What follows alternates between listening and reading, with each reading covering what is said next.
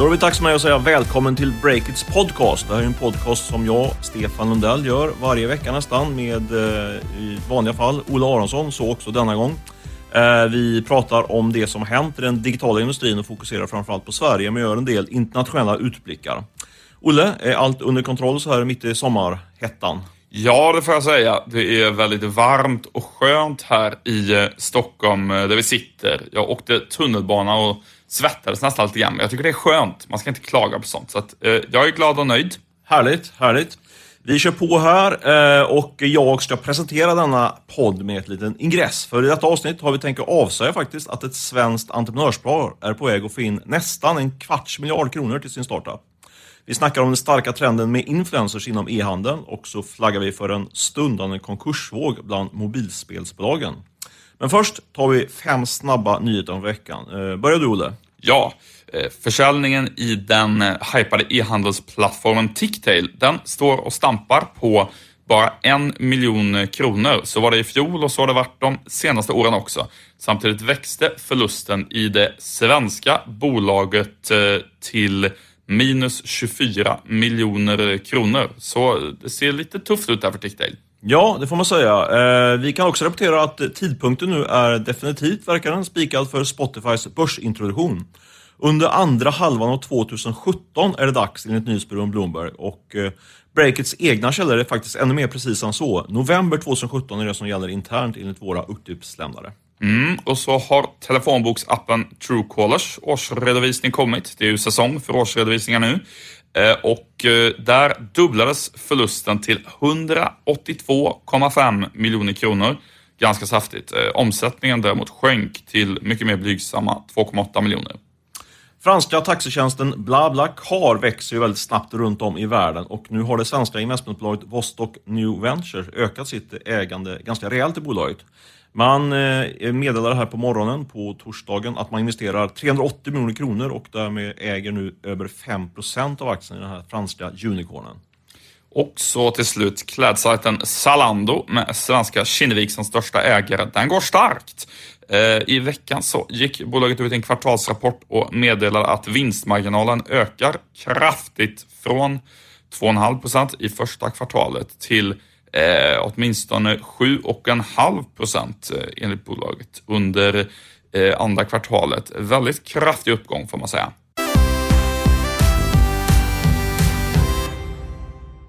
Vi sponsras denna vecka såklart av Miss Hosting. Och Miss Hosting har ju en hel palett av intressanta erbjudanden.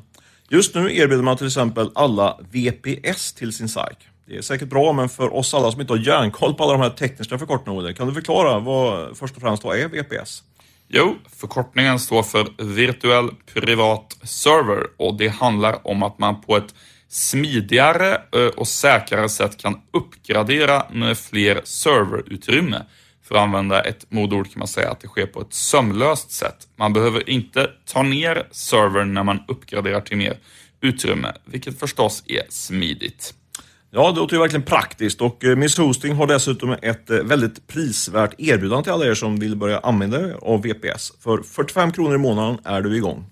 Yes, gå in på www, nej inte www ska jag säga, gå in på eh, misshosting.se VPS om du vill veta mer. Tack Miss Hosting för att ni fortsätter att sponsra oss och därmed stöttar oberoende medier som Breakit. Vi ska börja med vår eh, favorittyp av journalistik, nämligen en rak nyhet. Och den har du nosat upp, Stefan. Trots att alla har eh, semester har små fåglar viskat i dina öron om vad som händer i branschen. Ja men precis, direkt från en, från en skärgårdsö, inte långt från er kanske. Eh, det är så här att eh, Pierre Siri och eh, Henrik Persson, entreprenörsparet, de har fått in en hel del pengar, eller håller på väg att få in en hel del pengar. Vi kanske ska presentera Pierre Sire först eh, och Henrik Persson. Pierre Sire, det, han var tidigare VD och väldigt tidig investerare i Blocket och brukar presenteras lite grann som mannen bakom Blocket-undret. Henrik Persson eh, jobbade tidigare på Kinnevik och eh, byggde upp deras e-handelsdel och var bland annat ansvarig för Avito, det här, den här Blocket-kopian i Ryssland. Och nu driver de ett, eh, ett eh, investmentbolag som, som i sin tur driver ett antal Blocket-kopior kan man säga. Och en utav den största Blocket-kopian i den här lilla, den här lilla portföljen av, av bolag som de har är OpenSoc. Och de har sin verksamhet framförallt i arabvärlden. Och nyheten då, äntligen, de är på väg att ta in över 200 miljoner kronor faktiskt till sin satsning, framförallt för att erövra Saudiarabien. Du, Blocket-kopior i arabvärlden, det låter som att de eh, också är uppbackade av eh, Vostok New Ventures som är storägare i Avito. Eh, det brukar vara så? Ja, precis. De är med på ett hörn här också. De har ju pumpat in en, jag tror en 60-70 miljoner kronor i det här holdingbolaget då som bland annat äger OpenSoc. Så det stämmer. Och de försöker göra i princip det som Avito gjorde i Ryssland. Alltså man, ska, man håller på att bygga upp en dominans på ett antal stora arabisktalande marknader och sen är det tanken att man ska växla om och börja tjäna pengar precis som Avito gjorde i Ryssland. De kostar väldigt mycket pengar i början men sen har det blivit en riktig, riktig vinstmaskin. Eh, intressant också att notera kring det här paret Henrik Persson och eh, Pierre Siri är ju att de håller på att försöka köpa eh, den svenska bostadssajten Hemnet. Eh, de, det pratar vi, har vi skrivit om på breaket tidigare, men jag har också uppdaterat lite andra och de är fortfarande med i det här racet. Det var ju så att Chiptex tvingades hoppas av för att de hade, hade ju sedan tidigare Blocket Bostad, så de kunde inte eh, köpa då också Hemnet och fick dem för dominerande ställning. Eh, nu borde de enligt min, mina källor stå först i kön, eh, Siri och Persson, för att kunna köpa Hemnet. Vi får se, det är ju inte alla eh, utav de gamla Hemnet-ägarna som vill sälja, så vi får se hur det går. Du, apropå Avito så har vi ju en nyhet om dem också. Ja, ni rapporterade ju förra veckan när jag var på semester om den här välgörenhetstrenden bland svenska techentreprenörer och eh, nu är det så att också Jonas Olander och Filip Engelbert, grundarna till Avito, eh, de har startat egna stiftelser som eh, dedikerat ska göra filantropiska investeringar. Jonas berättade när jag pratade med honom igår att han har inspirerats lite grann av eh, Klarna-grundaren Niklas Adalbert som också dragit igång en sån här stor stiftelse. Just för att det ska vara den smarta strukturen för att göra den här typen av engagemang. De har ju tidigare gjort de här investeringarna, gjort ett par, tre investeringar i i vad ska man säga, sociala företag, eh, Filip och Jonas, eh, genom egna bolag. Men nu sätter de upp eh, varsin stiftelse för att göra de här typen av investeringar. Så det kommer mer investeringar från Jonas och Filip. Vi rapporterade tidigare i veckan om e-handelsplattformen eh, Naked, eh, eller NAKD som den skrivs, och att den eh, verkligen går som tåget får man säga. Det är ju entreprenören bakom bland annat Nelly, Jarno Vanhatapio som har dragit igång eh, Naked. Och första verksamhetsåret så räknar de med en omsättning på 140 miljoner kronor. Väldigt starkt för ett första år. Eh, mest intressant kanske är att eh, Naked som då erbjuder en um, plattform till andra e-handlare som inte vill hålla på med teknik själv och så. Man har ju kanske trott att det är det som ska vara kärnan i verksamheten, men nu så berättar Jarno Vanatapio att eh, det är faktiskt så att den egna e-handeln under varumärket eh, Naked, det är det som är den största bulken, den eh, kommer att omsätta ungefär 100 miljoner eh, kronor i år. Det är ju väldigt starkt förstås. Ja, det måste man verkligen säga. Och särskilt när man, tycker jag, när man gräver vidare lite grann kring vad som ligger bakom den här snabba tillväxten. Det är ändå imponerande att bygga upp organiskt en, en omsättning på 100 miljoner på ett år.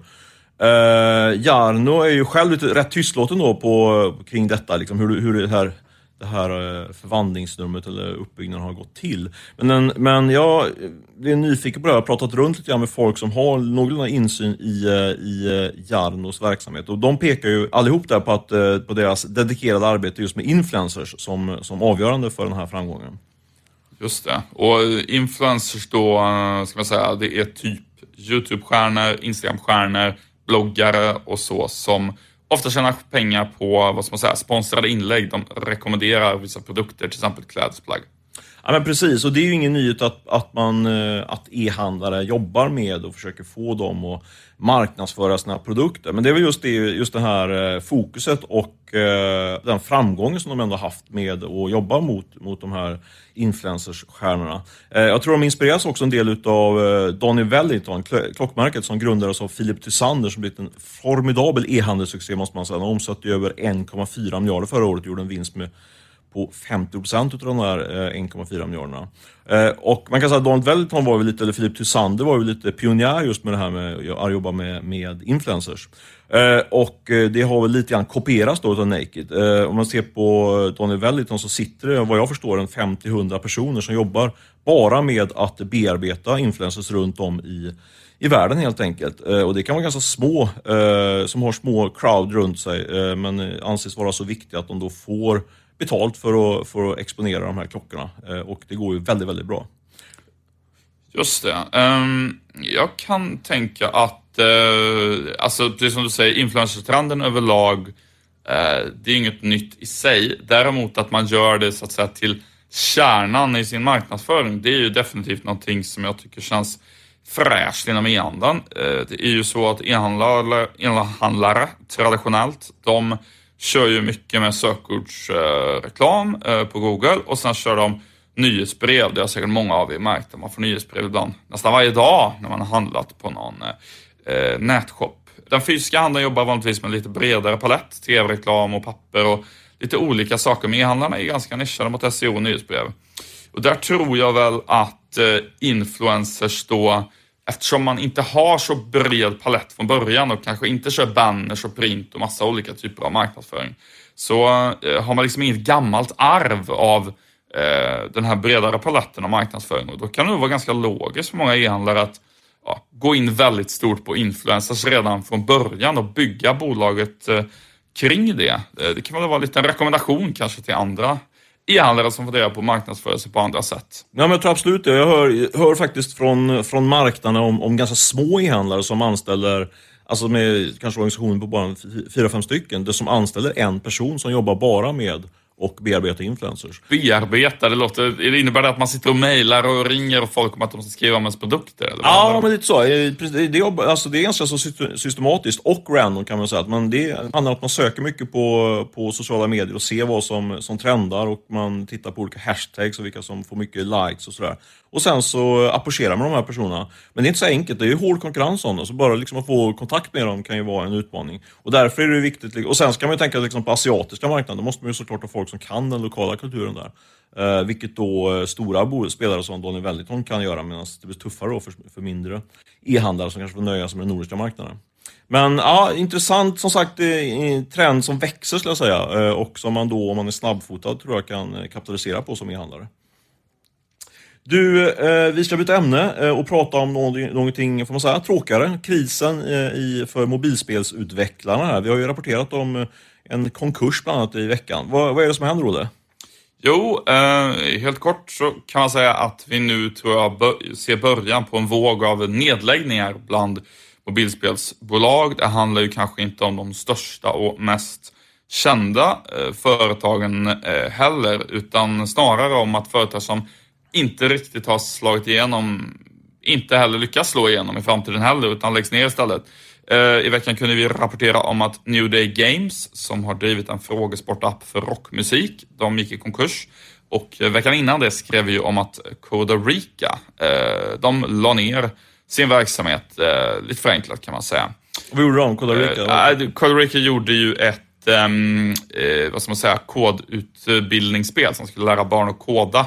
Eh, de eh, sålde ju, eller lämnade vidare sin app till Filemundus, ett annat appbolag. Men det var ändå tydligt när eh, Costa Rica la ner, skulle jag säga också, att de inte riktigt hade fått det att, eh, att lyfta, så att säga.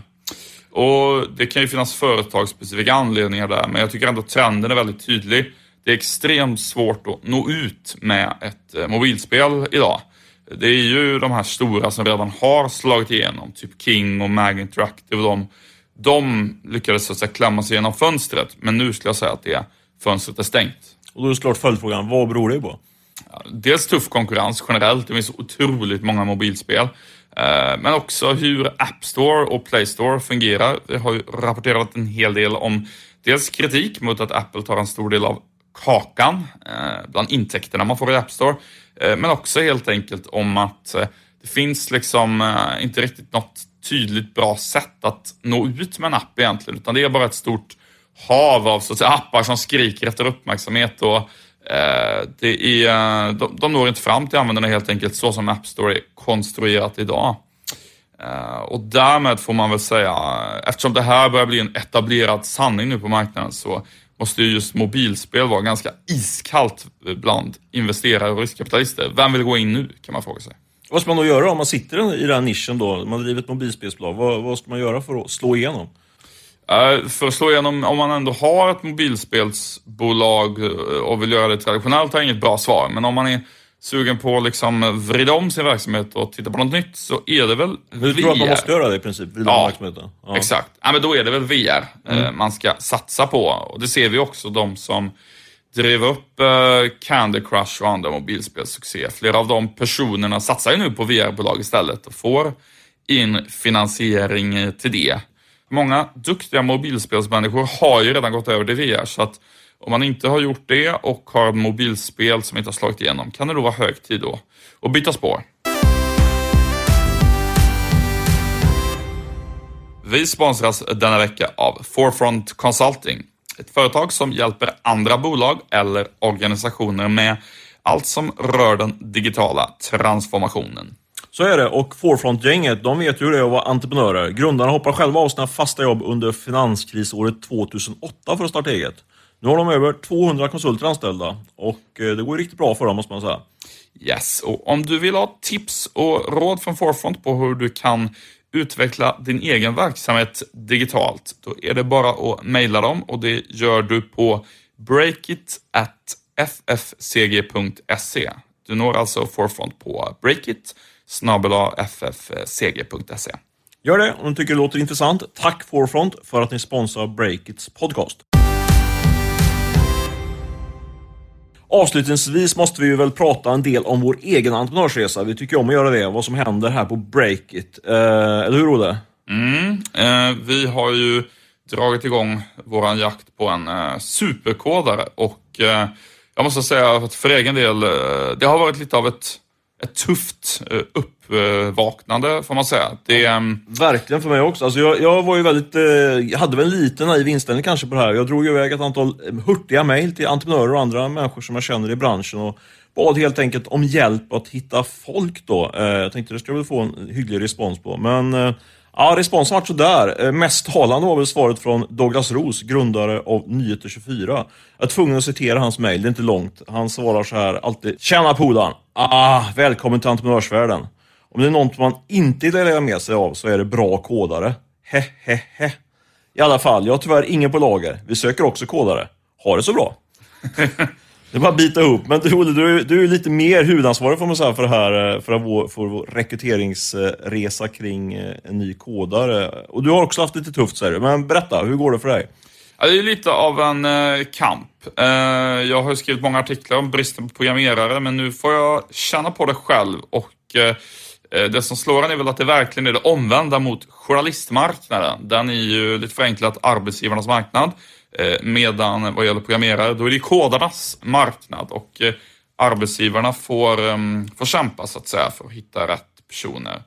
Eh, och jag har också lite anekdotisk sån här ehm, återgivelse från när jag mejlade en fra både framgångsrik och ekonomiskt rik entreprenör som man tänker att han har ganska lätt att hitta kodare. Han svarade, ja du, jag har drivit och sålt flera bolag. Uh, men nu har jag tröttnat. Det var det första han skrev när jag frågade om han kunde hjälpa mig att rekrytera någon. Okay. Och sen så sa han, jag hittar ingen i Sverige som inte är 23 år, vill ha 50 000 i lön och samtidigt fyra sidoprojekt. Uh, han lät lite uppgiven faktiskt och skulle nu gå all in på Ukraina istället, där han menar att det var betydligt lättare att hitta duktiga programmerare som inte hade vad han tyckte då var orimliga krav. Det låter riktigt dystert för oss. Nu är nästan på väg in i någon form av sommardepression. Jag skulle säga. Alltså, vad, vad, vad gör vi? Vad, hur känner du? Liksom, vad, kommer vi hitta någon? Ja, det, men det, det, kommer vi ändå göra. Och det är väl det som man landar i eh, när man pratar med folk som har jobbat med det här betydligt längre än vad vi har. Att eh, dels har Break en fördel. Vi är faktiskt eh, en, en produkt som väldigt många känner till. Vi når ut till många. Och det är, vi har ju väldigt många människor som ändå gillar vår sajt och många programmerare som, som läser den. Så är det ju verkligen inte för alla som ska rekrytera en, en kodare att man har den fördelen hur man når ut. Um, men, men, det som är eh, så att säga um, den stora grejen, det, det handlar liksom inte om att man inte hittar någon överhuvudtaget, utan mer om hur tidskrävande det är. Uh, och hur det tvingar en att använda nya metoder för att hitta folk. Man måste lägga mycket tid på att höra av sig till folk i ens nätverk. Eh, jag har till exempel också börjat testa nya rekryteringsverktyg. LinkedIn och så vidare har jag liksom aldrig känt något behov av att prova tidigare. Eh, så jag skulle säga att det går att hitta programmerare, men rekryteringsarbetet blir mycket mer omfattande. Och det vittnar ju många större bolag om att eh, ja men till exempel när man ska rekrytera från andra länder och så, då blir det en fråga kring eh, kan en person ta med sin familj, hittar man en bostad och så. Ja. Så till slut så är det flera heltidstjänster som bara ska jobba med och hjälpa de anställda med allt som krävs att flytta till Stockholm. Där är ju inte vi än, men jag skulle snarare säga att det är det, alltså tiden det tar, snarare än att man liksom inte hittar någon överhuvudtaget. Men jag tycker samtidigt är det ju ändå bara att konstatera, eh, om vi nu ska fortsätta att grotta i vårt, vårt, vårt eget entreprenörsliv här, så är det ju, är det ju en eh, synergi och, och en, en läroskola för, eh, för det man skriver om hela dagarna, som du var själv inne på. Liksom. Man lär sig mycket mer från grunden vad det handlar om och förstår, får en helt annan förståelse för eh, för det här jobbet. Och det kanske till och med resulterar i några bra artiklar. Jag misstänker att du kanske kan eh, trycka ur en och annan eh, på detta tema. Ja, men jag, har en, jag har en bra artikel på gång som, eh, apropå synergier, som, som bygger delvis på eh, Helt enkelt när jag har ringt och, och pratat med folk för, för egen vinning så att säga, för att få tips om hur man rekryterar folk. Så det kommer på breaket inom ja, den närmaste veckan i varje fall. Det ser vi fram emot och självklart får ni såklart höra av er till Olle, kanske framförallt, olle at breakit.se om ni har tips på några någon riktigt duktig och eh, vass kodare eh, som dessutom gillar breaket och det vi gör här. Eh, då är vi dig evigt tacksam som lyssnar. Eh, annars så tackar vi er alla som har lyssnat den här gången. Det är dags att runda av. Vi ska också säga att Beppo ljudproduktion var den som klippte och spelar in på länk från Södermalm i Stockholm. Vi sitter här... Den här gången från Trelleborg faktiskt. Jaha, vilken high-tech. Där ser man. Ja, det var mer jag visste. Det får ni reda på här i realtid. Eh, spännande. Det gick ju bra, verkar det som. Eh, följ eh, flödet på breaket. Vi är eh, inte fullbemannade, men nästintill här under hela sommaren. Så det kommer vara ett bra tryck på, på sajten. Så häng med där under hela sommaren. Yes. Ha det så bra. Ha det gott.